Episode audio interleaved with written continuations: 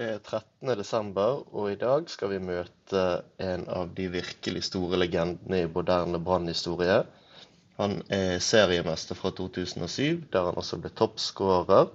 Og han forteller en eh, liten historie om en annen helt fra den samme æraen. Så vær så god, Torstein Helstad. Hei, alle Brann-venner. Det er uh, Torstein Helstad som ringer julen inn.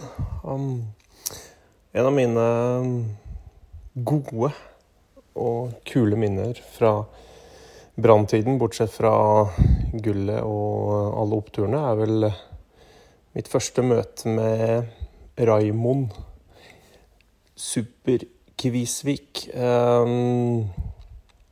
Det var vel i 1998. Jeg tok vi ble vel sendt på treningsleir til Sverige. Jeg var to dager for seint pga. familiehendelse, så jeg kjørte ned. Kom, kom ned seint på, på, kvelden. Ruller inn, det er mørkt uh, utenfor hotellet. Og sitter i bilen for å ta ut uh, tingene mine, så kommer det en person gående mot bilen.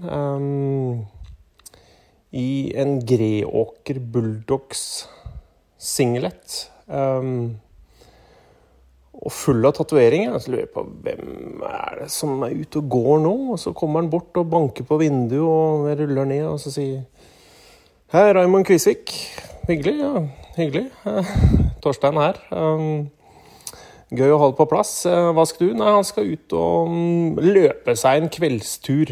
Um, og dette gjenkjenner jo sånn som jeg eh, kjenner Kvisvik. Dønn seriøs. eh, til alle døgnets tider. Eh, og tok, uh, tok, det veldig seriøst. Han skulle rett inn på laget, gjorde alt for det. Hadde sikkert løpeturer hver kveld, men akkurat det er et minne man ikke glemmer kjapt, altså. Så um, ta med dere det inn i julehøytiden.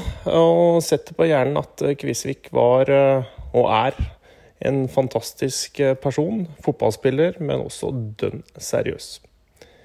God jul til alle sammen.